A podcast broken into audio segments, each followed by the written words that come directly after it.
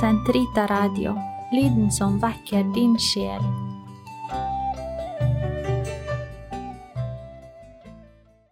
Den katolske kirkes katekisme, uke 22, mandag, paragraf 344 til 354.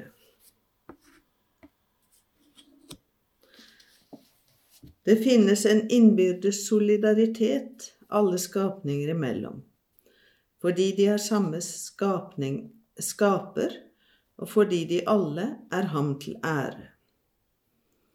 Lovet være du, Herre, med alle dine skapninger, især Herr broder Sol, ved ham gir du oss lys, og han er skjønn og strålende med stor glans, på deg, du høyeste, er han et bilde.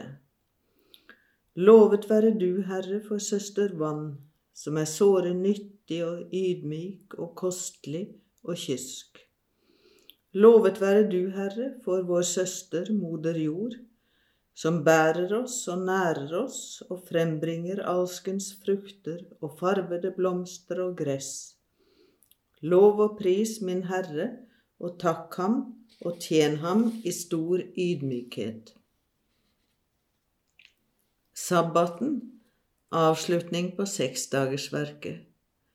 Den hellige lesning sier at den syvende dag hadde Gud fullført hele sitt verk at slik ble himmelen og jorden fullført, og at Gud hvilte på den syvende dag, velsignet den og lyste den hellig. Genesis 2, 1-3. Disse inspirerte ord er fylt av frelsebringende lærdom. I sitt skaperverk har Gud lagt grunnvollen og nedlagt lover som varer ved, som den troende tillitsfullt kan støtte seg til, og som blir ham til tegn og pant på Gudspaktens urokkelige troskap. Mennesket må på sin side forbli tro mot denne grunnvoll og de lover som skaperen der har innskrevet. Skaperverket ble virket med sabbaten for øye, det vil si tjenesten for Gud og tilbedelsen av ham. Guds høytidstjeneste er innskrevet i skaperordningen. Du skal ikke foretrekke noe fremfor gudstjenesten, sier Sankt Benedikts regel, og viser slik den rette orden i menneskets alle gjøremål. Sabbaten er selve hjertet i Israels lov. Å overholde budene vil si å leve i samsvar med den sannhet og vilje Gud har uttrykt i skaperverket. Den åttende dag. Men for oss har en ny dag demret, Kristi oppstandelsesdag. Den syvende dag fører den første skapelse til veis ende.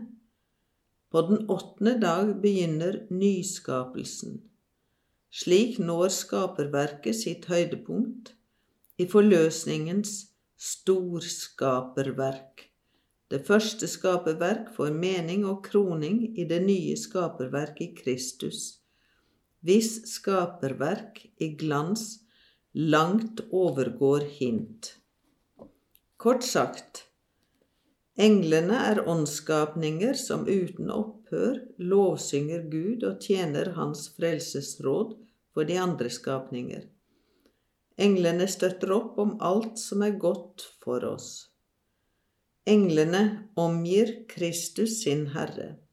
Særlig tjener de ham når han fullfører sin frelsesgjerning for menneskene.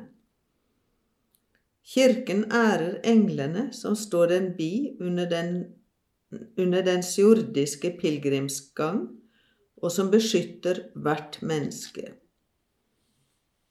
Gud har villet skapningenes mangfold og særegne godhet, deres innbyrdes avhengighet og orden. Han har bestemt hele den materielle skapning til menneskeslektens beste. Mennesket, og gjennom det hele skapningen, er bestemt for Guds ære og herlighet. Å overholde de lover som er innskrevet i skaperverket, og gi akt på de forhold som avledes av tingenes natur, er et klokt prinsipp og en moralens grunnpilar.